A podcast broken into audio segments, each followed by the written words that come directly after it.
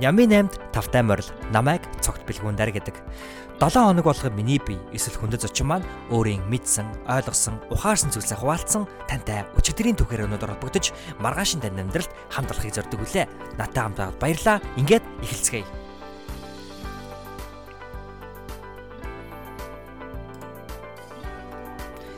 Сайн байцгаана сонсогчдоо та бүхэндээ энхүү Нями 8-ийнхаа 17 дахь удаагийн дугаараар уулзах гэж байгаад туйлын их баяртай байна. Өнөөдрийн маань дугаарт Цэдэн болгохтой ариун чимэг маань оролцсон байгаа. Тэрээр дэлхийн загварын төв болсон Нью-Йорк хотноо загвар зохион бүтээгч мэрэгчлэрээ ажиллаж амьдарч байгаа нэгэн гайхалтай Монгол эмэгтэй байгаа. Тэрээр Америк нэгдсэн улсын Вашингтон мужнаа Сиэтл хотноо Сиэтл Central College-ийг загвар зохион бүтээгч мэрэгчлэр төгсөөд саяхнаас тэрхүү Нью-Йорк гэдэг том хотод хөлгийн жолоогоо зааж тэрхүү том хотод одоо ажиллаж амьдарч байгаамаа. Түүнээ түүнтэй ярилцаа сууж байхад маш олон зүйлсийг би чин сэтгэлээсээ мэдэрч ухаарч авсан. Тэр нь юу вэ? Хамгийн чухал зүйл нь юу вэ гэсэн бэ? Юу байсан бэ гэхээр Арука маань амьдралыг маш ихээр таашаадаг нэгэн та бүхэн надаар хэлүүлэлтгүй энэхүү подкастыг сонсож байхдаа тэрхүү мэдрэмжийг аав нэгт би маш их ихтэй байна. Магадгүй энэ подкастын маань хамгийн гол мессеж нь хүмүүс үнэн байгаасаа гэсэн мессеж байсан баг. Тэгэхээр яагаад хүмүүс үнэн байгаасаа гэж Арука маань хүмүүсээс хүмүүстэй захив хүмүүстэй хэлв. Түүнийг та энэхүү подкаст маань подкастаас маань сонсоорой. Тэгээд хэдүүлээ. Ингээд подкаст руугаа үсэрцгээе. За сайн уу Арука урилгыг нь хүлээж авсанд баярлалаа. За баярлалаа. Навайг төгсөн төрсөнд маш их баярлалаа. За тэгээ Арука маань өөрийгөө юуны төрөнд манай сонсогч нарт жоохон танилцуулаач. А намайг Зэмэл Аримчмаг гэдэг. Аа тэгээд би одоо Нью-Йорк хотод амьдарч байгаа. Аа 7 хоног нь ямар шиг өнгөрөв дөө? Аа 7 хоног минь бол нэлээд гоё өнгөрсөн. Аа яг ажлын маань эхний 7 хоног гэсэн. Тэгээд тэр утгаараа ингээд амар стрессгүй нэг их ажил байхгүй айгуу гоё өнгөрлөө. За тэгээд одоо бид нэр яг ингээд 8 асуулт асан тий. Асуултаа би яг 2 дахь өдөр явуулсан санагдаж байна. Ер нь ингээ яг 8 асуулт 7 хоногийн ихэнд хүлээж аваад тэгээд дараа нь хариулна гэж бодохоор ямар санагдаж байна. Амар гоё өстөрчтэй. Би яг нөө нэг асуултыг чи хараад ер нь жоохон бэлтгэл бэлтгэлгөө оруулаас яг төгс нарт маань бас гоё мэдээлэл хүргэж чадах юм болоо гэж бодож жоохон бэлдсэн байгаа. Аа. Тэгээд энэ онд гараад ямар ч хэсэн 7 асуулт маань ингээд юунда оролцогчдоо ингээд илгээгдээд тэгээ 8 дахь асуулт маань болохоор дандаа нууц байдлаар асуухаар болсон байгаа. Энэ нэг онцлог нь. Тэгээд бас магадгүй манай подкастыг хамгийн анх сонсож байгаа олон хүмүүс байгаа. Тэр хүмүүстэй зөвхөн энэхүү подкаст нь ямар подкаст вэ гэдгийг би өмнө юусоо хэлж байгаагүй байхгүй. Энэ зүгээр амьдралын хэм маягийн подкаст гэж би ер нь бол сүүлийн үед нэрлээд байгаа юм. Яагаад амьдралын хэм маягийн подкаст гээд байна гэхээр яг л оролцож байгаа гайхалтай зочид та бүхнээсээ та бүхнийхээ амьдралыг л судлаа л те та бүхний амьдралын хэм маягийг л ер нь аягүй сонирхоод байгаа байхгүй. Тэгэл тийм учраас ер нь бол гол онцлог нь тэр байгаа. Магадгүй одоогийн байдлаар Монголд байгаа хамгийн анхны яг юм амьдралын хэм маягийн подкаст байж магадгүй юм шиг байлээ. Би бас хөөхөн өрсөлдөгч нараа бас жоохон сонссон. Яг Монголд подкаст хийж байгаа. Тэгээ яг одоогийн байдлаар төгтөө юм байна. Йоо, Монголд яг подкаст хийдэг хэр их хүмүүс идэв. Би бол бараг хувьдаа чамайг л бараг подкаст хийдэг гэж ойлгосон шүү дээ. Үгүй юу? За, ер нь бол үгүй бах. Аа, Cool Монгол гэдэг нэг подкаст хийсэн. Unlock гэдэг айгу подкаст байгаа. Тэр нэлээд олон сонсогчтой. За тэгээд Simple Mongolia билүү Simple Монгол гэдэг подкаст байгаа. Тэрнчэн болохоор би бас нэг удаа зочноор орж исэн. Тийм. Тэгээд ер нь энэ хэд байх шиг байна. Тэгээд цаана бас байс байгаа бах. Гэтэ ер нь бол Монголд айгүй шин давцсан юм шиг байгаа. Шинэ платформ. Аа. Nice. Okay. Тэгээд сонсогч нартаа нэгэн сонирхолтой юм дуулгахад бас жоохон нөгөө accountability авах гад тэр нь юу гэхээр Арука маань бас подкаст хийх сонирхолтой байгаа тий. Тий. Тий яг үнэ. Би гэхдээ ер нь бол блог бичээд эхэлсэн байгаа. Аа тэгтээ яг одоогоор яг цацхал блог байгаа. Жохон бэлдээд ер нь яг бэлтгэл сутанд авж байгаа гэх юм уу тий. Аа. Тэгээ Арука маань одоо яг Америкийн за Америкийн байтугай бүр дэлхийн загварын ертөнц болсон Нью-Йорк хотноо яг загварынхаа мэрэгчлэр төгссөн мэрэгчлэрээ ингээ ажиллаад амьдарч байгаа. Энэ талаараа ер нь сонирхолвол ямар сэтгэлтэй байна вэ? Ааха. Нью-Йорк хот бол бүр маш гоё. Би яхаа нэг одоо нэг mindful fashion одоо тий айгу одоо байхыг хүсдэг аахгүй fashion designer. Тэгээд бас even нөгөө нэг одоо дэлгүүр хэсэгтээ ч гэсэн байл алхныг одоо тийм хэрэгцээгүй юм авахгүй байхыг хүсдэг. Гэхдээ нөгөө Нью-Йорк хотмын болохоор бүр айгүй бүр өөрөө бүр битүү ингээд дэлгүүр гой гой хувцастай ингээд загварын бүр маш их юмнууд байдаг ингээд бүр шунал хөдлөд бүр амар санагдаад байдаг гэх юм те. Айгүй гоё тэгэл энд музей ер нь ингээд урлагийн талаар одоо арт те тэр талаараа бол айгүй их одоо үзэж харах юм ихтэй ганцхан одоо загвар зохион бүтээгч гэлтггүй тий одоо жишээ нь зураач ч юм уу дуучин ч юм уу одоо юу гэдэг тэр урлагийн бүх тал дээр бол Нью-Йорк бүр айгүй гоё хат. Тэгээд тий энд бол ер нь илүү тийм сонирхолтой их гоё газар тий. Аа. Тэгээ мэдээж хэрэг одоо яг хоёулаа ингээд чиний 7 хоногийг сонсон тийм учраас яг Нью-Йоркод өнгөрсөн энэ хүү 7 хоногоос нь сонсоход надад маш сонирхолтой санагдаж байна. Тэгээд 8 асуулт руугаа орохоос өмнө би яг энэ асуултыг дахин асуумаар байна. Өмнө нь болохоор Арука Викторийг яриад сууж байхад Арука яагаад ер нь яг загвар зохион бүтээгч мэрэгжил сонгосноо надад түүхээ ярьж ирсэн те. Сэтлээ. Тэгээ тийм учраас тэрхүү сэтлээ тэрхүү түүхээ биднэрт дахин сонирхуулвал. Аа. Тийм тийм яах вэ? Аа би ерөнхийдөө болохоор бага бахта аа нөгөө нэг одоо өвөл манай Монголд айгүй хүүтэн байдаг штэ Тэгээд би нэг өдөр ингээд яг хичээлээ тараад би явж байгаа бодсон байхгүй. Яагаад манай улс одоо тухайн үед бол 45 сая одоо малтай гэж ярьдаг гэсэн байхгүй. Тэгээд ийм их малтай гэж бид нэр яагаад одоо болтолтой ингээд дулаан готлаа хийж чаддаг юм бэ те. Би тэгээд жоохон одоо тийм сэтгэл өвдөжсэн гэх юм уу те. Тэгээд би бодсон а ер нь бол бид нарт ийм их баялаг байхад а энийг ашиглах нь ер нь амар зөв юм байна. Тэгээ би бас ер нь багасаа тийм загварын ч юм уу те одоо тиймэрхүү юмд айгүй сонирхолтой хөхтэйсэн. Аа тэгээ тэр утгаараа би загвар зохион бүтээгч болъё гэж шийдсэн. Тэгээд зүгээр ганцхан ноол уран ч юм уу те одоо тиймэрхүү хувцас ихгүй яг өдөр тутамд хийдэг хувцас Монголда үйлдвэрлэх юмсан те олон одоо ажлын байр гарах юмсан гэдэг үднээс би энэ мэрэгчлийг сонгохоор шийдсэн. Тэгээд 10 жилээ төгсөөг байхдаа энд ирж исэн. Тэгээд коллежда сураал, юмнуудаа сураал, сураал, сураал төгсөөл одоо яг ажиллаад байж байна да. Тий. Аа. Бүр амар гоё түүх байгаа байхгүй. Тэгээ би яг анх сонсож байхдаа хэлжсэн те. Бүр айгуу гоё сэтэл нь айгуу гоё тийм ариухан тий. Ариухан тэгээд ингээд Монгол хувцсаараа Монгол одоо амьтныхаа бүтээгдэхүүнээр Монгол хүнийг дулаахан байлгах юмсан гэсэн тийм сэтлээс төрсэн гэдэг айгүй гой санагдчихсэн. Тэгээд асуултаас байгаа дахиад нэг ганцхан асуултыг нэмээд асуухад тэр нь юу гэхээр чи ингээд хэддүгээр ангитай яг энэ мөрөөдлийг яг ингээд бодож исэн юм бэ? Яг хэддүгээр ангитай байсан юм? Аа тэгээд 14 настай гэхээр за нэг 14 настай 9 10 дугаар анги лээсэн баг. За 14 настай 9 10 дугаар ангийн хүүхэд одоо болтол энэ мөрөөдлийнхаа төлөө ингэ зүтгэж явж гэдэг бол айхтар тууштай байгаа байхгүй. Тэгэхээр яаж хүн тий өнөөдөр амьдралдаа ингэ тийм зоригтой тийм мөрөөдөлтэй мөртлөө зөндөө ингээд тэрнээс ухарсан бутсан бууж өгсөн хүмүүс байгаа штэ. Чи яаж ингэж үүнтэйгээ олон жил нөхөрлж түүний хараас маш сайн зүтгэж чадсан бол Ер нь тэрийг яагаад гэж боддог вэ? Яаж ингэсэн юм бэ? Би нэг одоо нэг юм ихлэл мэдээж дуусгахыг хүсдэг. Гэхдээ procrastinate бас хийдэг. Нэг ажлыг хаашин тавьдаг бас надад тийм муу тал байгаа. А гэхдээ би яг юу гэдэг гол үндсэн зорилгоосоо би хизээч буцдаггүй. Би яг ингэн тэгнэ гэсэн бол би заавал арт нь гардаг. Тэгээд коллеж тахтаа ч гэсэн одоо чи бол сайн мэдчихэж байгаа шүү дээ. Америк бол маш өндөр зардалтай маш одоо их одоо хүн болгон яг энд ирээд амжилттай сургууль соёлоо төгсөөд бас байх те боломж бол бас тийм их байдаг. Хүн маш их хатуужилтай байх хэрэгтэй. А миний хувьд бол би ингээд коллежд байхдаа жишээ нь би 7 хоногийн 7 өдөр ажиллаад те хичээлийнхээ жишээ нь тэр нь 7 хоногийн 7 өдөр жишээ нь хичээл амарсан үед ажилладаг үе надад зөндөө байдаг гэсэн.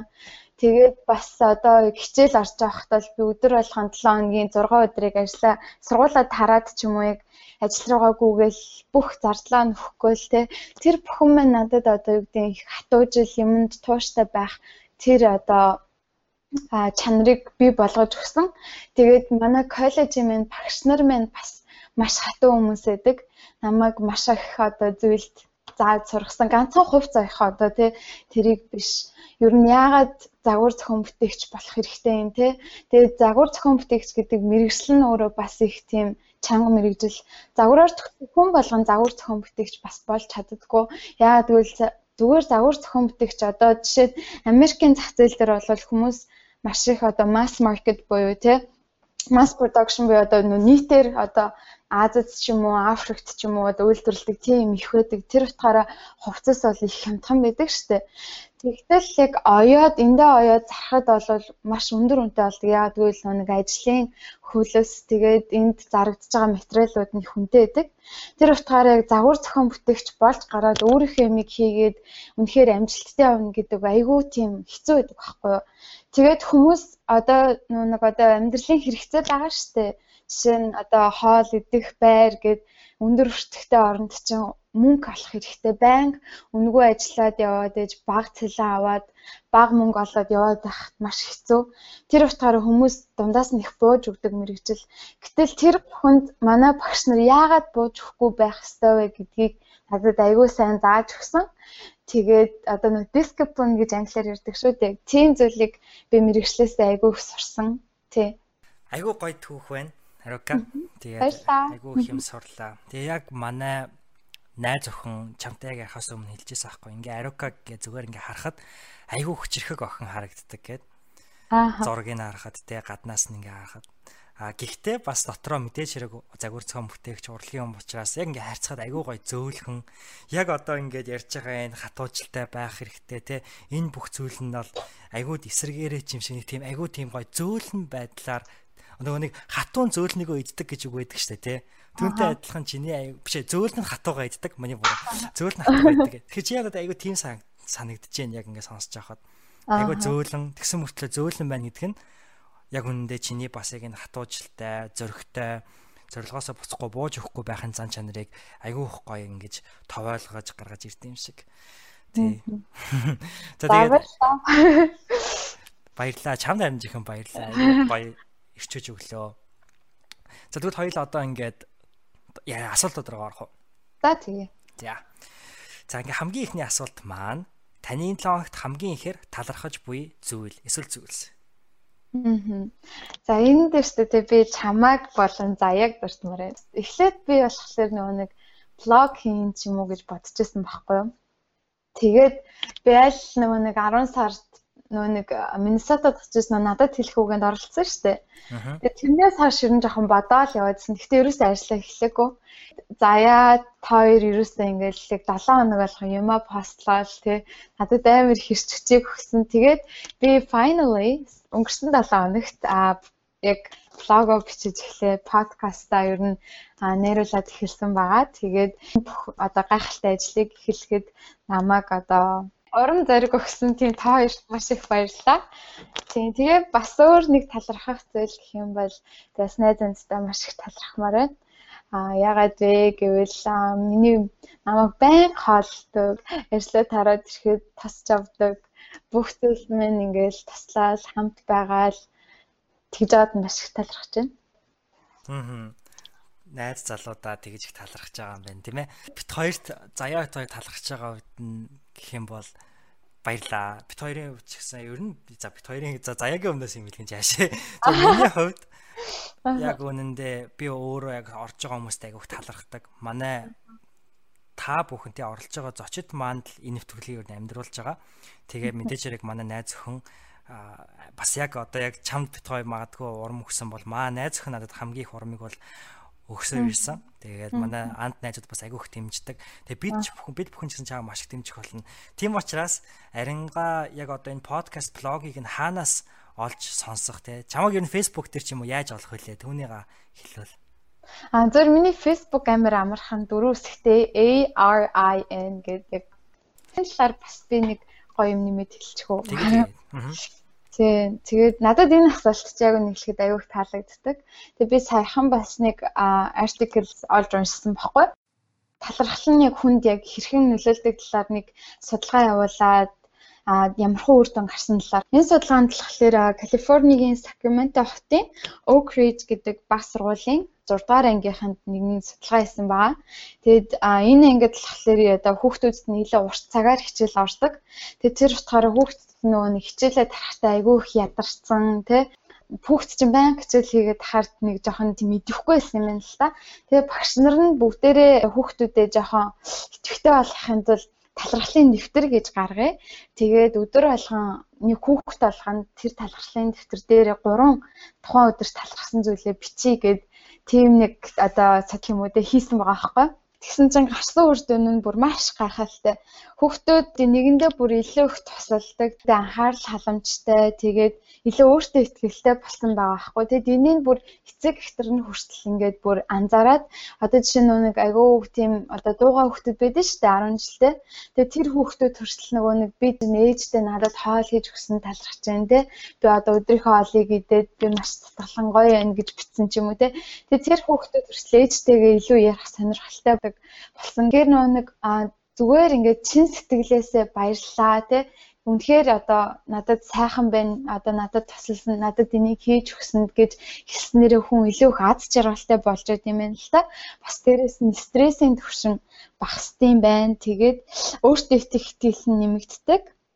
А мөн бүр урт хугацаанд ингээд одоо бусдад талархдаг хүмүүс илүү урт насалдаг гэсэн юм бас битсэн байсан. Тэгэхээр бас монголчууд аа нэгэндээ чин сэтгэлээсээ те баярлаа гэж хэлж байгаарэ зүгээр бас дотроо хадгалаад яваад тахгүй тэрийг илэрхийлэх бас хэрэгтэй. Нөгөө хүн бас мэдрэх юм бол бүр сайхан.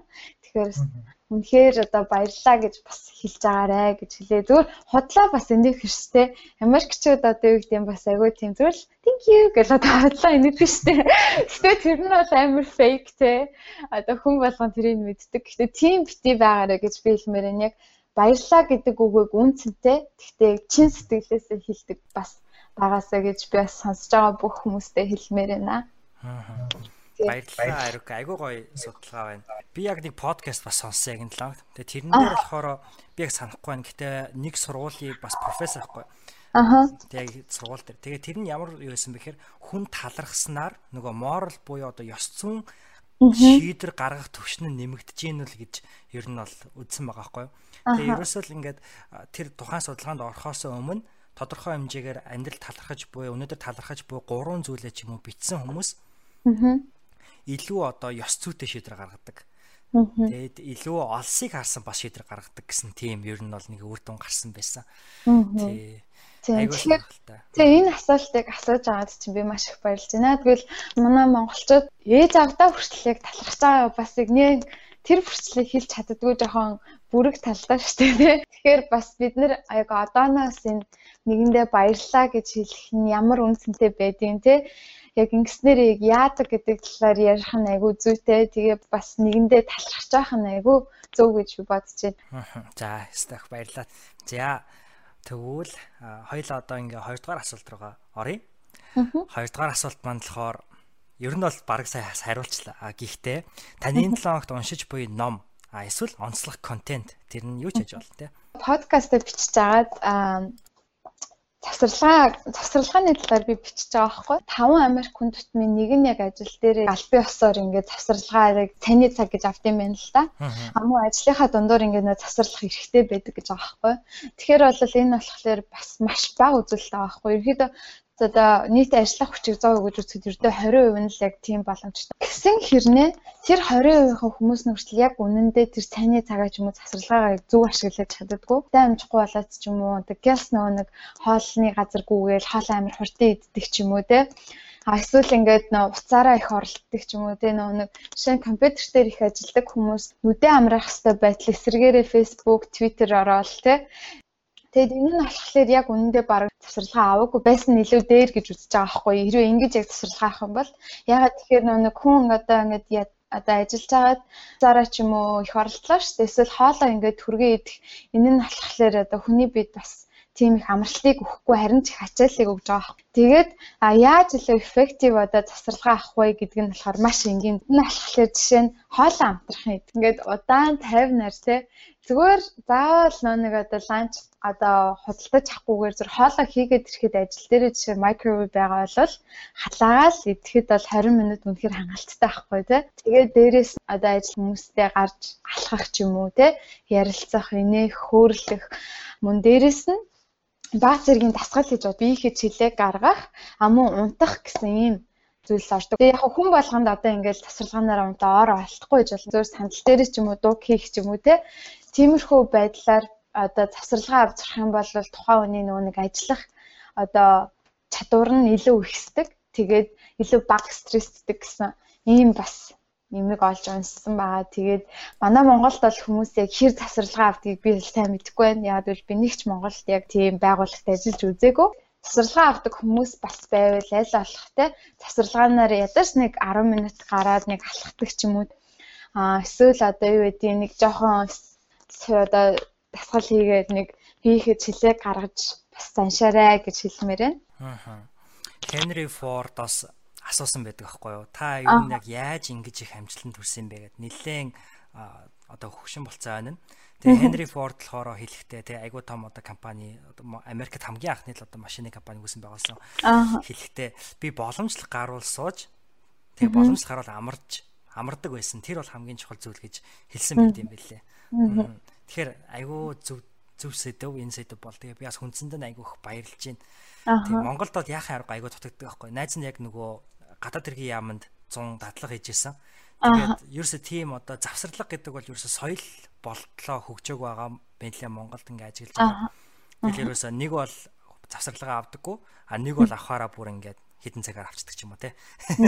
Бүр байхгүй болчихдог. Тэр нь одоо ингээд effective ерөөсө биш байгаа даа байхгүй те. Тэгээ тэрийгээрээ бүр илүү одоо нөгөө нэг анхаарал нь сарнаад илүү нөгөө ажиллах хүчинд ихсэх биш буураад Тэгэхээр чинь бүр татвархаа авах ямар ч хэрэггүй байгаа байхгүй баг тий.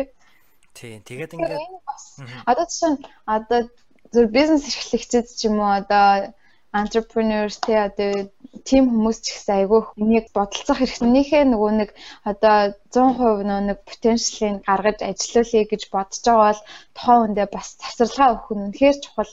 Харин тийм яг зөв. Тэн дээр маш их санал нийлж байна. Аа завсарлага тэгээд завсралга дээр зүгээр нэг юм чи сая хэллээ шүү дээ. Илүү үр дүнтэй завсралга авахын тулд хамгийн ихнийх нь хоолоо амтрахын идэх гэдэг.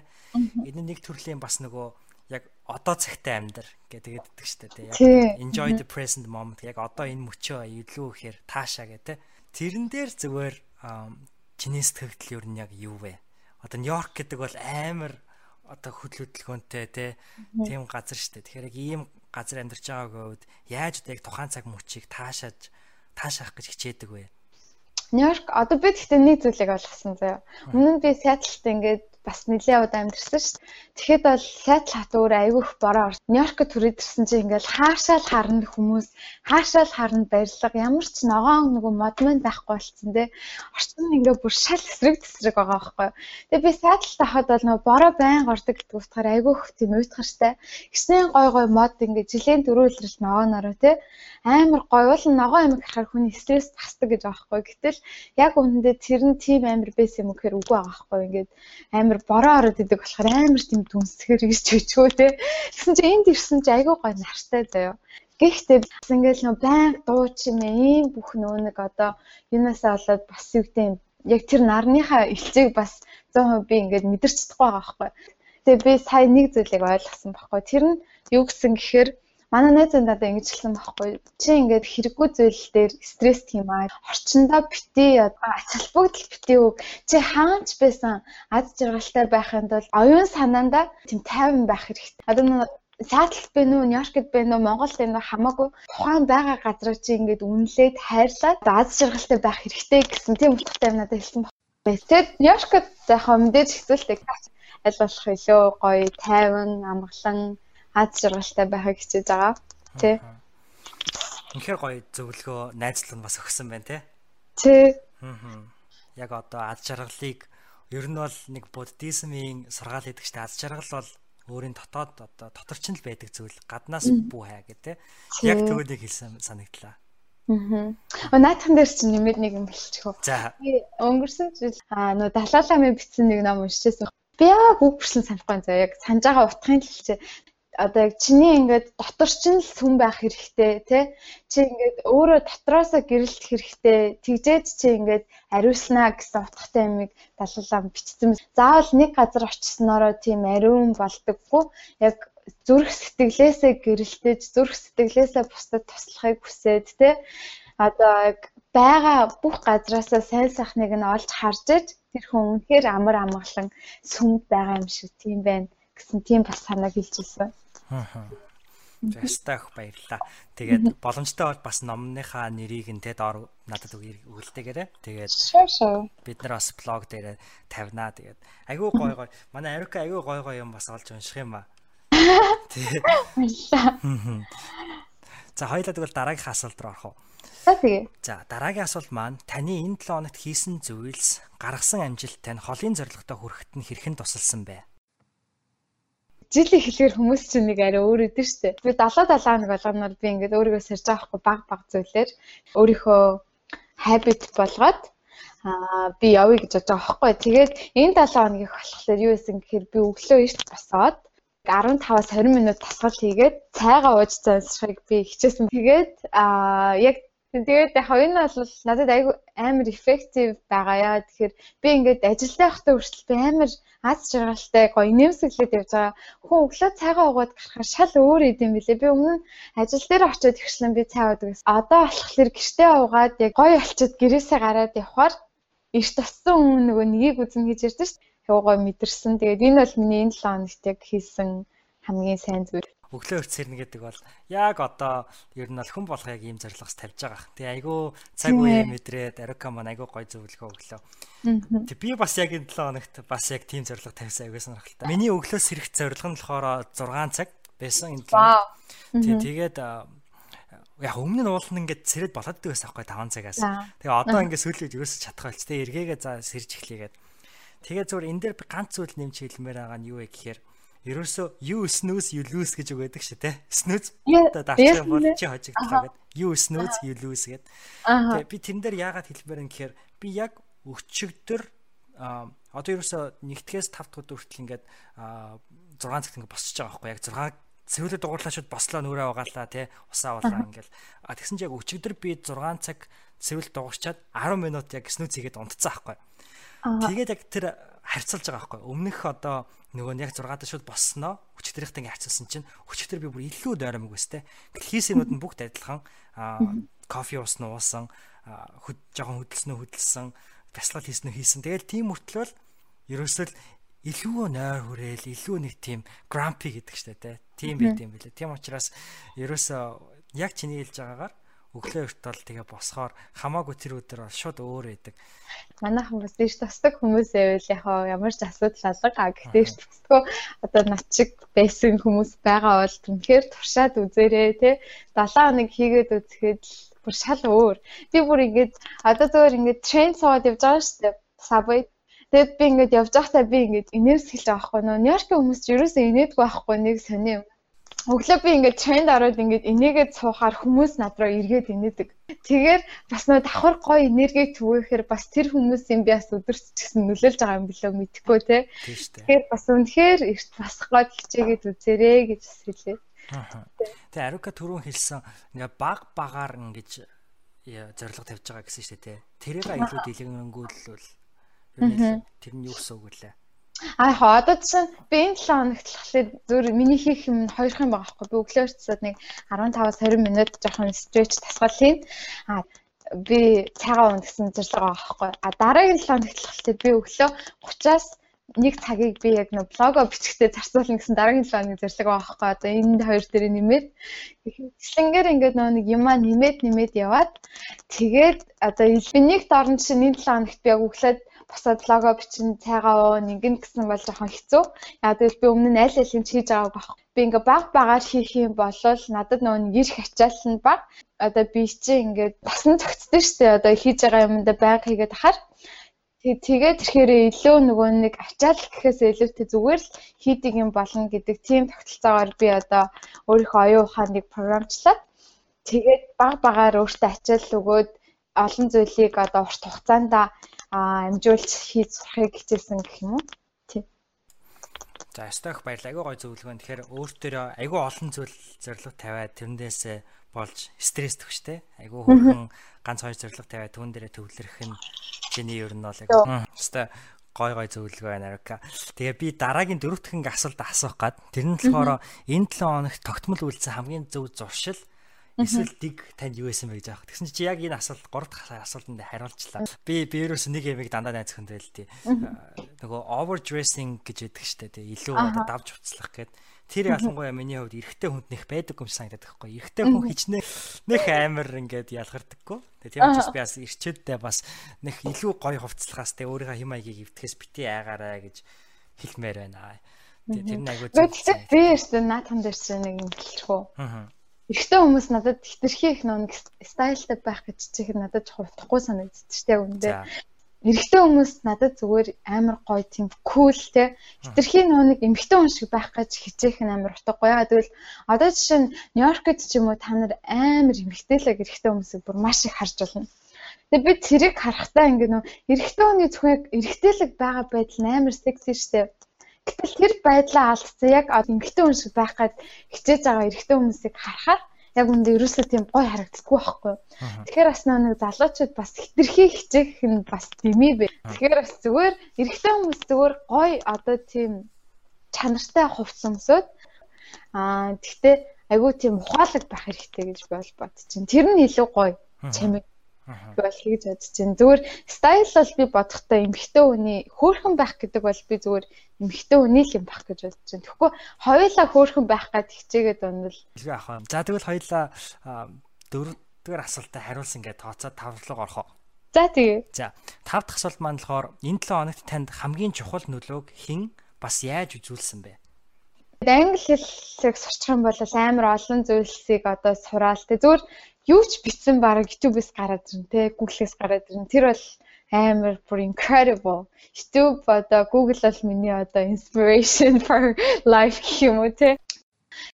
Тэгээ тэр утгаараа бас манай монголчууд маань одоо илүү их гой блогерс хүмүүс амар хэрэгтэй гой гой мэдээлэл сонирхолтой юмнуудаа блог дээрээ бичээд те ингээд тавих бол хүмүүс илүү гой гой илүү одоо нэг шин шин зүйлийг сурч мэдснээрээ гоё нэг open minded гэдэг шүү дээ. Юмыг олон талаас нь хардаг те байнга шүмжилтгүй те тийм болно шүү дээ. Тэгэхээр бас олон блог руу төрөөд хүмүүстэй бас монголоор их хэл дээрээ гоё мэдээлэл олдог болол гоё гэж би бол байнга бодог. Энэ бол миний нэг одоо юу гэдэг юм бүр санаж явдаг зүйлсийн нэг байхгүй юу.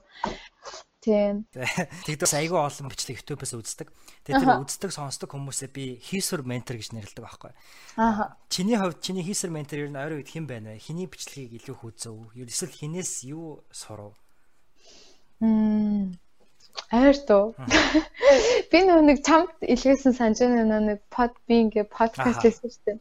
Би тэрнээс л амар их юм сонсож байгаа да. Тэгээд нөгөө чиний нөгөө нэг байн гэж нөгөө team шүү дээ. Миний би подкастыг айгүй их сонсож байгаа.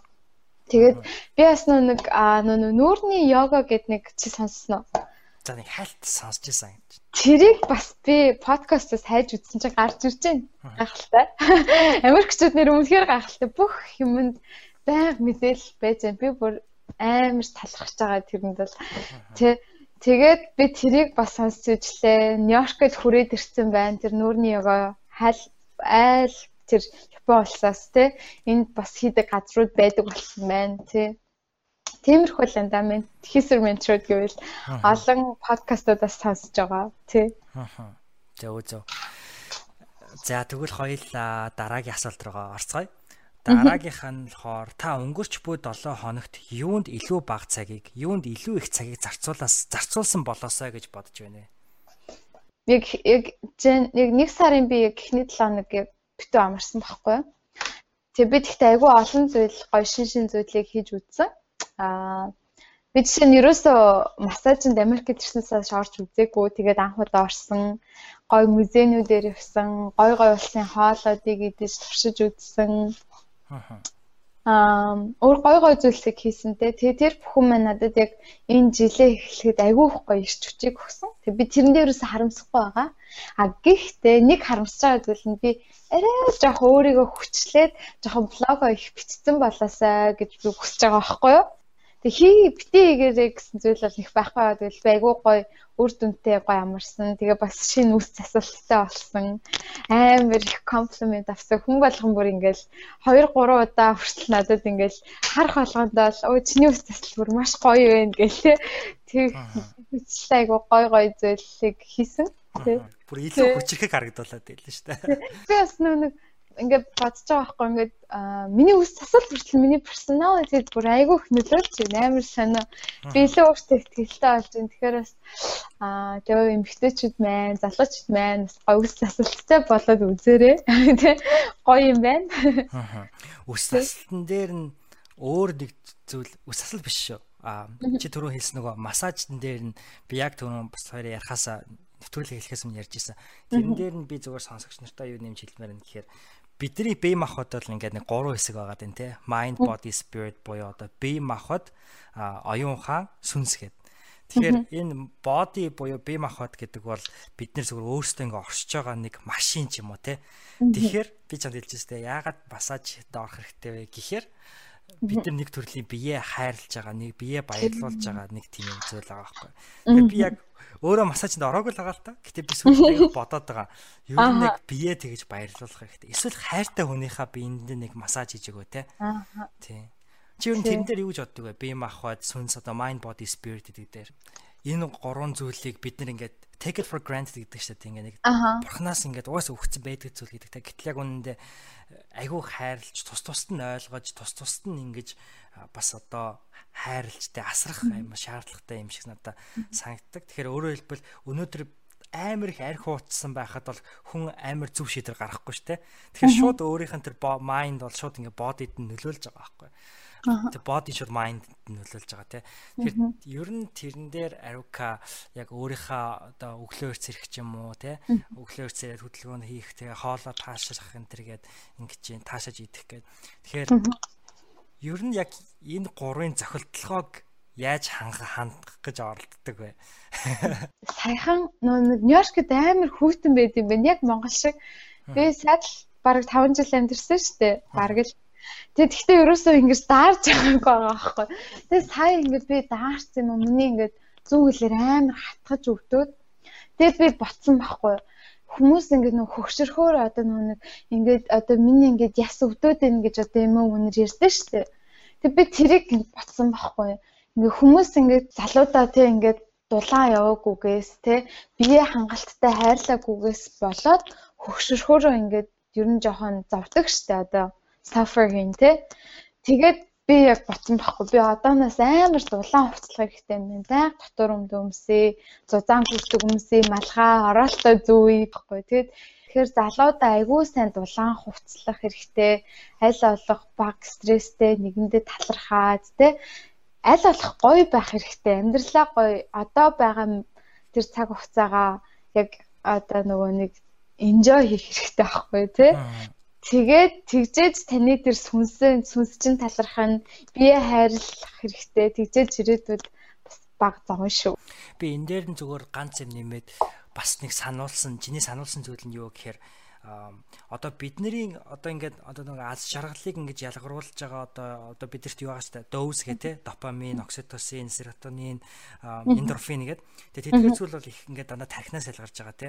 Тэгээд энэ нь болохоор ингээд юу тархинаас ялгарч байгаа тэр зүйл нь ингээд бид нар ингээд залуу нас хүртлээ нэг 20 30-аад нас байсан баха. Тэр хүртлээ ингээд бий болчоод түүнээс хойш ингэж дахиж бий болдоггүй юм байна л да. Тэрийг үүсгэх чинь.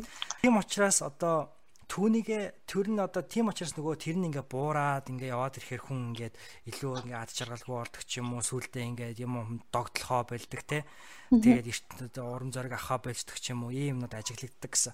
Тэгээд түүнийг одоо preserve хийх буюу хадгалахын тулд айгу хамгийн сайн витамин нь юу гэхээр B комплекс витамин гэсэн. B витамин. Тийм үү? Тий, залуу хүмүүс айгүй их сайн B витамин ууснаар тэр одоо яг тэрхүү одоо ад жаргалын гормонуудыг ялгаруулдаг зүйлээ хадгалдیں۔ гэж хэлсэн шүү. Тэгэхгүй бол дахиж юусоо тэр чинь бидэрт бий болдоггүй. Тий. Тэгээ бас ингээ яг чиний хэлж байгаа ингээ уурлаад бухимдаа тий амьдрал талархахгүй байвал тэр нь бас устж идэг. Тийм учраас ер нь бол ирээдүйн төлөө бас тийм их алхмуудыг авах хэрэгтэй юм байна лээ. Тийм. Гэхдээ ер нь бол яг талархна гэдэг нь яг миний бодлоор бол яг байгаа бүх зүйлдээ сэтгэл хангалуун байхыг л байгаа гэж болж байгаа байхгүй.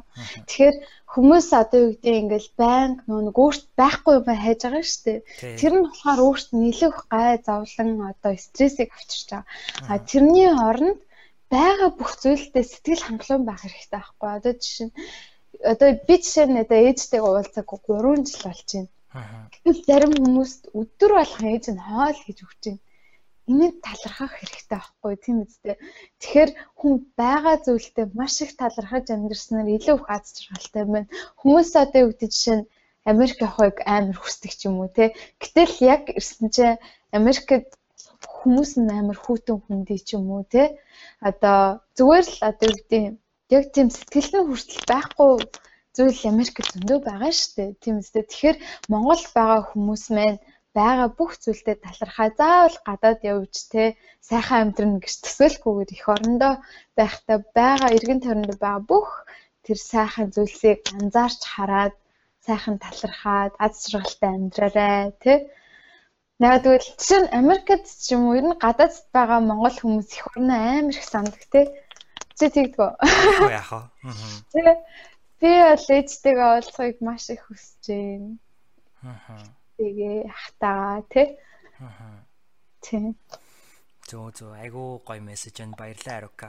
Би тэгээд чамдас өмнө хэлж ирсэн бид нар ингээд илүү одоо нэг vulnerable буюу сул талаа тий ингээд өвдөж байгаа яаж байгаа талаа бас бид нар илүү хуваалцах хэрэгтэй болов. Яа тэгэхээр бид нар бол Instagram дээр Facebook дээр ингээд хамгийн сайн сайхан бүхнээ гаргаал тий. Гэтэл яг өндө хүн болгонд зовж байгаа хүн болгонд асуудал бэрхшээлтэй байгаа хүн болгонд л өгүүлж байгаа зүйлс байгаа. Түүнийгаа ингээд хуваалцаж хэлнэ гэдэг бол яг үнэндээ өөрөө маш их зориг байгаа байхгүй юу? Тийм. Тийм. Тэгээ тэнд нь маш их баярлалаа Арка. Аа. Би энэ дээр бас нэг юм мэдэлч байна. Тэгэлгүй. Аа би тэгээд одоо юу гэдэг ингээд Америк хүмүүстэй хамтраад ингээд ажиллаж байхад шүү дээ надад нэг анзаарэгддэг зүйл нь болохоор хүмүүст одоо нэг нэгэ гомдоох үе гэсэнтэй тийм айдас сэрэмжлэл маш их байдаг. Америк хүмүүс одоо юу гэдэг нэгнийхээ одоо нэг эмошн байгаа шүү дээ тэрийг аль болох одоо нөө нэг өвтгөхгүй тий ингээ хүндэхгүй юмсан гэж хичээдэг тэр утгаараа ингээд ерөөсөө яг одоо нөө сэтгэлийн гүнд ортлоо ярилцаж чаддаггүй байхгүй юу. Зөв тэр бол миний яг ажилласан зүйл яг энэ бол тодорхойлт тодорхойлч юм биш тий энэ бол өөр. Аа тэгэхээр юу гэдэг а хүмүүс би би хүмүүсийг үнэн байгаасаа гэж амар хүсдэг.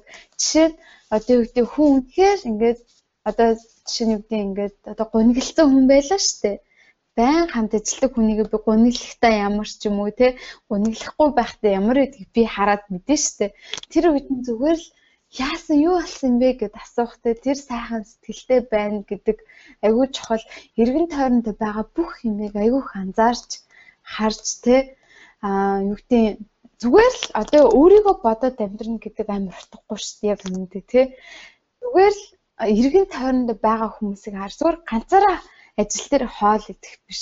Хажуудаа байгаа хүндээ нэг халбыг авч өгөөд энийг амстай би өчтөр хийсэн. Миний одоо нь те нөхөр найз залуу хийсэн. Эсвэл миний эхнэр энийг хийж өгсөн ч юм те. Энэ хаал амар гомтой нэгэд хуваахад нөгөө хүн инээдэг те. Зүгээр л эргэн тойронд байгаа хүмүүсээ хараад ингээд жоохон өөртөө байгаа зүйлээ хуваалцаад өгөх нь тэр хүнд амар их аз жаргалыг бэлгэлж байгаа. Зүгээр айгүй гой тийм үнэн байгаасаа хүмүүс яг л Америкт ингэж ажиглагддаг хүмүүс хүмүүс айгүй их тийм худлаа инээдэг ч юм уу те гэсээр нэ яг үнэндээ сайн найстай хүмүүс амар ховор идэг. Жишээ нь юу гэдэг манай ажил дээр байдаг одоо хүмүүс юу гэдэг те ингээл надад яг үнэндээ сайн найз байхгүй гэж ярьдаг хүмүүс байдаг. Тэ тэгэхээр энэ бол маш харамсалтай. Яадгүй л бид нэр одоо юу гэдэг маш олон хүмүүсээр хүрээлүүлсэн бид нэр суурьсан нийгэмд амьдарч байгаа. Гэсэн нэг хүмүүс яг үүндээ бүр маш их анзаардж байгаа. Тэгэхээр энэ нь юу юунаас болж ийн гэж миний харж байгаа нь болохоор хүмүүс зөвхөн хувиа хичээж агаад л би байгаа гэж үздэг. Нэгэндээ гараа суугаад илүү их зүйлийг өгснөөр амьдрал илүү гоё утга учиртай болдог тий. Тэгэхээр бас эргэн тойронд байгаа зүйлсээ их анзаарч нэгэндээ сайхан сэтгэлээ хүргэж байгаасай л гэж би бодож байна. Вау, ямар гоё. Бүр сонсоод уйллаа. Айгуу гоё мессеж байна. Хүмүүс үнэн байгаасаа гэд. Магадгүй хүмүүс үнэн байгаасаа гэдэг яг энэ блогийн маань гарчиг болж болох юм. Тэгээд хүмүүс үнэн байгаасаа гэд. За үнэн байлаа. Би чамд өөрийнхөө ингээ сул талыг агаад ариука надад ийм зовлон байна те. Би чамаас үнэн байна гэдэг за би ингэж харж байгаа байхгүй. Би одоо ингээ зовлонтой мөртлөө тэрийг нуугаал ямар ч зовлонгүй хүн болж чамд харагдах гэж хичээхийн оронд чамд очиод Арука найзд нэг ийм асуудал байна. Энийг яах вэ? Яаж шийдэх вэ? Тэ. Тэгээд за ингээд би чамд хэллээ. Чи надаа ингээд зөвлөлөө. Ийм байснаар бидний нийгэмд юу ямар ач холбогдлыг бий болгох бол эцсийн үр дүн нь. Манай аав ээж болохоор яг социализмын нийгэмд амьдарч өссөн байхгүй юу. Тэгээд одоо юу гэдэг айгүй их надад одоо түүх хилдэг те. Бид нэр одоо жишээ нь ингээд залуу байхдаа ажиллаж ажиллаад одоо нэг нь өвдлөө ч юм уу одоо жирэмсэн боллоо хүүхдтэй боллоо те. Тэр бүх юмн дээр even одоо ангийнх нь одоо нөө өвддөө шүү дээ. Тэр болгонд бид нэр ангиараа очиж иргэдэг байсан багштайгаа гэж ярьдаг байхгүй тэгэхээр одоо юу гэдэг нөө нэг нийгмээрээ анги хамт олноороо те. Тэр одоо нэг тухайн одоо community буюу group байгаа штэ бүлэг хүмүүс нэгэндээ зориулж сэтгэл гаргаж анхаарч яах гэдэг бол маш том хайр. Энэ одоо юу гэдэг ардчлан нийгмийн болохоор нэг надад алдсан зүйл нь тийг санагддаг байхгүй хүн болгон independent хүссэн зүйлээ хийх хэрэгтэй. Тэ тусгаар тогтносон ч юм уу те ингээд бие даасан байх хэрэгтэй гэж зөвлөдөө шүү дээ. А гэтэл энэ нь болохоор яг үндэ тийм биш. Одоо юу гэдэг Америк хүмүүс заримд нь ингээд юу гэдэг би ингээд аа ингээд жишээ нь ингээд зүгээр одоо хүмүүст би ингээд настай хүмүүс чинь би судлаа тавиад өглөө штэ. Тэгэхэд өө зүгээрээ би зүгээр ингээд би бол одоо тий одоо хөгшин биш би залуу шүү don't worry гэж тэгж надад хэлжсэн хүмүүс байдаг байхгүй юу. Тэгэхээр гэтэл тэрэнд болохоор би тэр хүнийг би хөгшин гэдэг утгаар биш. Би тэр хүнийг суугаад жоохон амраасаа гэсэн утгаар би суудлаа тавьж өгсөн байгаа штэ одоо тренд явж байгаа та. Гэтэл одоо юу гэдэг нөгөө хитрхи independent байх гэж хичээснээрээ хүмүүс нэг нэгнийхээ бусдад одоо зориулах гэж өгж байгаа хайрыг хүлээж авах чадваргүй болж байгаа юм шиг санагддаг байхгүй. Тэгэхээр хүн ингээд чамд ямар нэгэн зүйл өгж явахад тэрийг тэрийг ингээд тосоод авах бас сэтгэлтэй байх хэрэгтэй. Гэтэл нөө нэг одоо яг энэ бол Монголд ерөөсөй байхгүй үзэгдэл байхгүй. Энэ бол маш олон жилийн дараа магадгүй яригдах. Аа Америкт байхаа ажиглагдчихж байгаа зүйл нь хэр хүмүүс хитрхи одоо бие даасан байна те нэгнийхээ хайрыг хүлээж авах чадваргүй болсон. Хитрхи бие даасан байгаа аахгүй юу?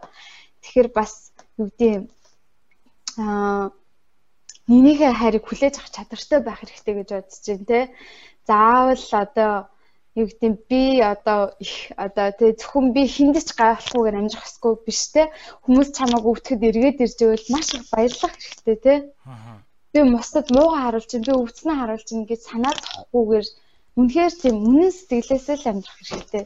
Тэгвэл тэгж үүдэг Америкийн нэг нэг зүйл нь үнэхээр тийм хүмүүс сайнаа золох нь маш хэцүү үнэн хүмүүс хэцүү бүгд тэрнээс амар гоё хүмүүс. Гэтэл тэрэн дотор сайн найзтай ч юм уу те. Одоо яг сэтгэлээ нэдэг хүмүүс нь маш ховор гэдэг. Одоо бол тийм санагддаг тий. Тэгэхээр айгүй гой мессеж нэр окей. Хүмүүс үнэн багасаа бусдынхаа сэтгэлийг тосоод авдаг багасаа тий нэгнийхээ хайрыг хүлээж авах чадвартай байгаасаа. Тий, тэрийг нь тосоод авах үнэхээр хэрэгтэй.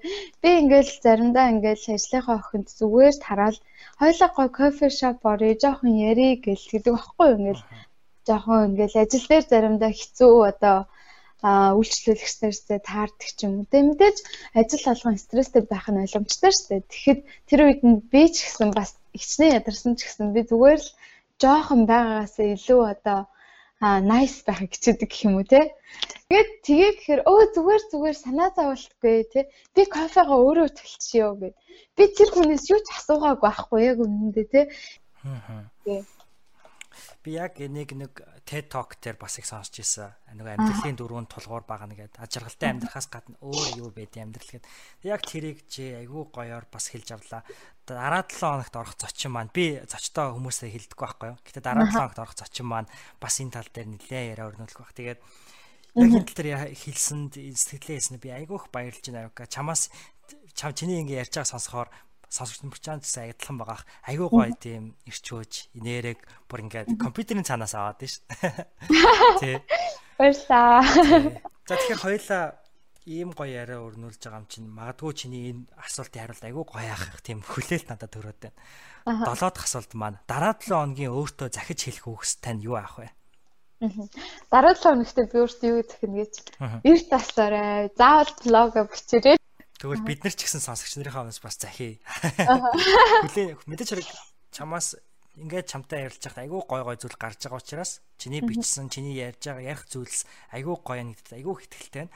Тэгээд нэг зүйл дээр зүгээр би зөвхөн чамд биш те бүх сонсогч нартай хэлэхэд хүн болгоны дотор хуваалцах хэвээр нэг мессеж байд юм шиг та санагддаг байхгүй нэг түүх. Тэгээд түүнийгээ та дотроо хадгалаад байвал өнөөдөр та өөрөөсөө ирээдүг хулгайлаа зогсохгүй бусдын амьдралыг өөрчлөх тэр боломжийг холгаалаад байж магадгүй те. Өнөөдөр магадгүй Мартин Лютер Кинг те одоо энэ нэгтгэхэд Мартин Лютер Кингийн баяр болох гэж байгаа Америк даяар. Мартин Лютер Кинг хизээж тэр хүн мөрөөдлөө хуваалцаагүй байсан бол өнөөдөр тэр олон хар арьстай хүмүүсийн өнгөт арьстай хүмүүсийн тэр эрх чөлөө тэр эрх тийм ээ амьдрах амьд явах эрх одоо хөндлөгдөх жах хэмжээндээ хүртлээ хөндлөгдөх байсан үгүй юу те. Тэгэхээр асуултын тэмдэг те. Тийм учраас хүний хэлэх мессеж айгүй чухал байгаа байхгүй. Аа миний хэлэх мессеж илүү гоё Монгол залуучдаа би хөдөлмөрч байгаасаа гэж амар хүсдэг. Яагаад гэвэл одоо жишээ нь Америкт харъя л да. Америк маш том зах зээлтэй тийм үү? Бизнесийн талбартаа л. Тэгээд тэр утгаараа хүмүүс маш их хичээж амжилтанд хүрдэг. Бид нар Монголыг авч явах хүмүүс ахгүй юу, тий? Тэгэхээр бид нэр ирээдүйд үнэхээр Монголоо олон одоо улсын тавцанд гаргаж гайхалтай мандуулахын тулд бид нэр одооноос хичээх хэрэгтэй. Бүр 1 2 3 дахь ангийн хүүхдүүд хүртэл хичээх хэрэгтэй байхгүй юу? Тийм үстэй. А түүний тулд бид нэр илүү хөдөлмөрч байх хэрэгтэй. Аливаа зүйл тууштай байснараа хүн юмыг амжилтанд хүрдэг. Өнөөдөр хүмүүс хялбар замаар ч юм уу те зүгээр ингээд мөнгө олох зорилгоор хүн явах юм бол хизээч юу ч гайхалтай бүтээн бий болгож бусад хүмүүст нөлөөлөл бий болгож чадахгүй. Тэгэхээр хүн нэг ялангуяа Монголын залуучуудыг би илүү хөдөлмөрч өөрийн хүссэн хийхийг бүтээсэн зүйлстэй үнэхээр хүрэхийн тулд тууштай байгаасай гэж би хэлхийг маш хүсэж байна. Тэгээд тэр нь одоо заавал хурдан хугацаанд байх ёсгүй байхгүй юу? Хүмүүс юу гэдэг нь за жилийн дотор 5 жилийн дотор амжилтанд хүрэхгүй бол бууж өгдөг ч юм уу тийм биш байгаасаа эрт бити хүүхдтэй болоосаа гэж би залуучтайгаа тэгмээр байна. Амьдралаа би болгоод гоё явах үе дээр хүүхдтэй болцохоор бүх зүйлээ хүүхдтэй зориулаад өөрсдийгөө мартаад тухайн салбартаа гаргаж болох амжилтыг бүгдийг нь хоошин тавьчихж байгаа байхгүй юу? Амжилтанд хүрэх ёстой цагтаа залуу байгаа эд хөдөлмөрлөх үе дээрээ хүссэн салбартаа тултлан амжилтаа гаргаад улсаа хөгжүүлээд олон олон хүмүүст ажлын байр бий болгоод илүү олон хүмүүст те одоо боломжийг бий болгосоо гэж би хэлэх маш их хүсэж байна. Айгуу гоё мессеж байна Авика. Энд дээр зүгээр найзхан ганц хэлэх зүйл юу вэ гэх юм бол монголчууд айгуу цөөх хүлээ 3 сая болгоно те. Тэгээ дэлхийн одоо хамгийн том хоёр гүрэмний одоо дунд оршиж байгаа. Тийм учраас Монгол хүнд хоошоо суух ирэхгүй юм шиг л надад санагддаг. Би одоо Нью-Йоркт Нью-Йорк ч юм бол Америкийн бас хамаа одоо том хотуудын нэг штэ. Энэ улсад ирээд саяхан ингээд нэг хүн метронд ороод ингээд шууд тесрэх бөмбөг тавьж байгаа байхгүй юу. Тэгээ ийм том хотуудад одоо дэлбэрэлт бөмбөг ч юм уу те буудалцсан маш их болж байна. Тэгэхэд манай Монгол буутай өвдөг хүн байдгүй тийм биш байхгүй юу. Тэгэхэд бид нэр ийм гой улсад амьдарч ээж бид нэр боломжоо ашиглаад хөгжих хэрэгтэй, илүү их зүйлийг сурах хэрэгтэй. Яагаад заавал бид нэр гадаад улсад очиж ээж хөгжснээ бид нар өөрсдийнхөө хүчин итгэх ёстой гэж би бол маш их боддог. Тийм. Айгуу сони энэ те. Тэр дэлбэрэлт талсан гэдэг. Тэгээ чи яг тэгээд өглөө унтаж таардаг гэдэг. Тийм. Өө тэр өдөр чи actually миний амралтын өдрөөс юм би найз нацтайгаа Котоко ууж голгож ирсэн байхгүй. Тэгээд би за за өнөөдөр амралтын өдөр юм чи хойлоо жоохон унтчихъя гэд тэгээд сэрээд ясан чинь Facebook-ээр дөрөв оо пост болцсон. Нөө нэг юунд метроны яг Victoria суудаг train station дотор бөмбөг тавьсан байгаа. Тэгээ бид хоёр яа өнөө өглөө босоогүй ямар азтай юм бэ гэд ярьжсэн байхгүй юу? Аа. Ястаа борхандаа талархъя те. Харин тий. Гэх мэтчлэнгээр манай Монгол бол үнэхээр тайван орн. Тэчиг ийм violent байж чадахгүй. Жишээ нь өнгөрсөн жил нөө нэг 36 мянган хүн нэг нэгэ бод цалсан байгаа байхгүй Америкт. 5 минут манай гэрээс 5 минутын зайтай өгөх нэг газар бас саяхан нэг хүн буудалж өгсөн байсан. Тийм зүйл байхгүй байхад бид нэр хөдөлмөрлөх хэрэгтэй. Биднэрт ямар ч тийм violence, social violence байхгүй юм тийм үү? Тэгэхээр бид нэр энэндээ үнэхээр их талархаад гайхалтай сайхан байх хэрэгтэй. Тий. За зэстэй гой гой зөвлөгөө хэллээ. Одоо хоёлаа сүүлжих асуулт руу оръё. За. Тий. За сүүлчийн асуулт маань би ийм зүйл асуумаар байна. Энэ 7 хоногт одоо чиний хийсэн хүн уулзсан хийсэн зүх бүх зүйлс үгүй болцсон. Энэ 7 хоногт уулзсан хүмүүс чамтай ерөөсөө уулзаагүй. Энэ 7 хоногт чихийн нэгэнд хэлсэн мессеж чинь ерөөсөө хэлэгдээгүй. Тийм ээ. Энэ бүх зүйл чинь ингээд байхгүй болчихно. А гэхдээ чамд нэг зүйлийг дахин ганц удаа хийх эсвэл нэг хүнтэй дахин ганц удаа уулзах боломжийг олгохвол чи юу хийх вэ? Эсвэл хинтээ уулзах вэ? Ер нь бүр айгүй чөлөөтэй сэтгээд яг юу хийх вэ байсан бэ? Ганцхан зүйлээ сонгоол. Тэгээд тэр уулзах чинь хүн хинж болох юм уу? Гэтэ энэ тоонд хийсэн зүйлс чинь заа. Ерөөсө бүх зүйлийг чи хийсэн, бүх зүйлийг одоо идсэн хоолч хийж болно те. Суусан машин ч юм уу. Одоо хийсэн үйлдэл бүх зүйл хийгдэггүй болоод а гэхдээ чам нэгэн зүйлийг дахин хийх боломж олдвол тэр нь юу вэ?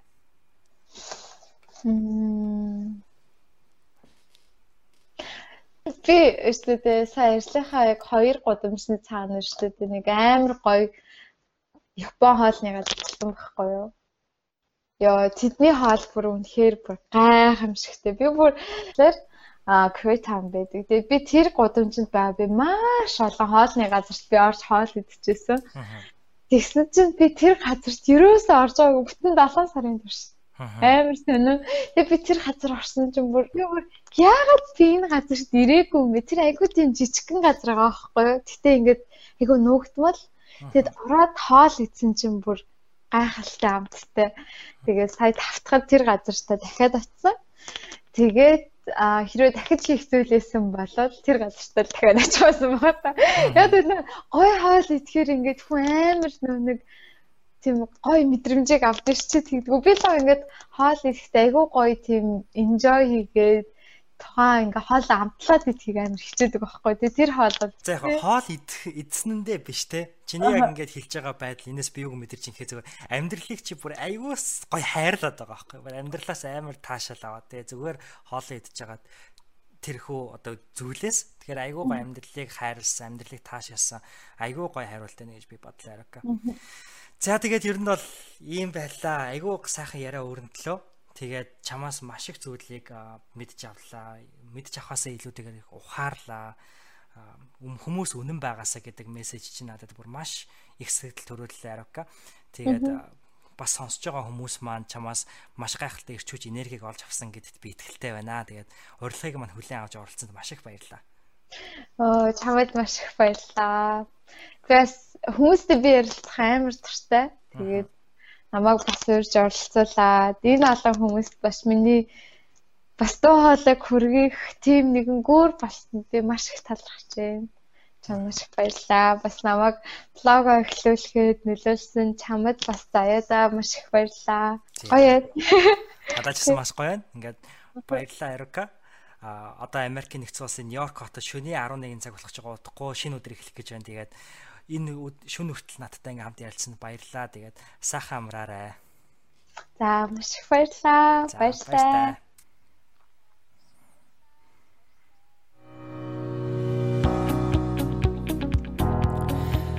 Та бүхэд маань энэ удаагийн подкаст маань маш их таалагдсан гэдэгт итгэлтэй байна. Яг надтай адилхан. За тэгээд эцэст нь би та бүхэндээ нэгэн зүйлийг мэдгэхийг хүслээ. Тэр нь юу вэ гэхээр Ямын 8 подкаст маань альбом ёсоор SoundCloud дээр байршихаар болж байгаа. Тэрний үг хэлж байна гэхээр өмнө нь би ингээд бүх подкастуудаа ингээд нэг дор төвлөрүүлэх айгу боломжгүй байсан аахгүй юу. Яагаад гэхээр подкаст хийн гэдэг бол яг подкаст хийчээд дараа нь тэтгэр зүйлсээ нэг газар байршуулна гэдэг айгу төвхтэй юм байлээ. Айгу их мөнгө төлөхөр юм байлээ. Тэгээд би эцэстээ юу гэж бодсон бэ гэхээр тодорхой хэмжээний тэрхүү хөрөнгө оруулалтыг оруулаад та бүхэндээ манай нэвтрүүлэл урагдан оролцож байгаа тэрхүү зочдын мессежүүдийг нэг дор хүргэх тэрхүү боломжтой платформыг нь бий болгоод маш хэрэгтэй байна гэж итгэсэн учраас тодорхой хэмжээний хөрөнгө оруулалтыг хийгээд Ямин 8 подкаст SoundCloud дээр аль биесээр байршуулж байгаа. Тэгэхээр энэ юу хэлж байна гэхээр өмнө нь болохоор би өнгөө подкаст хүргэгчүүд дээр ингээд зөвлөлтөд тавьсан байсан. Тэгэхээр одоо бүгдөө SoundCloud дээр маань нэмэгдсэн байгаа шүү. За энэ нь ингэснээр би цаашлаад подкаста iTunes, Stitch гэх мэтчлэн олон програмуудаар дамжуулан хүргэх боломжийг бий болгож байгаа. Иймээс та бүхэн маань энэхүү подкастыг маань дэмжиж, энэхүү нэвтрүүлгийг маань дэмжиж, энэ удаагийн дугаараа хийгээд подкастыг маань лайк дарж, шеэр хийж, сан сэтгэлдээ үлдээгээрэй. Энэ бол миний хувьд игээд манай оролцож буй зочдын маань хувьд маш чухал, маш их ирчүүж өгсөн тийм гайхалтай бэлэг байд юм шүү. Тэгээд бидэнтэй үргэлж чанд байдагт баярлалаа. Ням гарага шин 7 хоногоо ирч хүчтэй гайхалтайгаар эхлүүлэн гайхалтайгаар өнгөрүүлээрэй.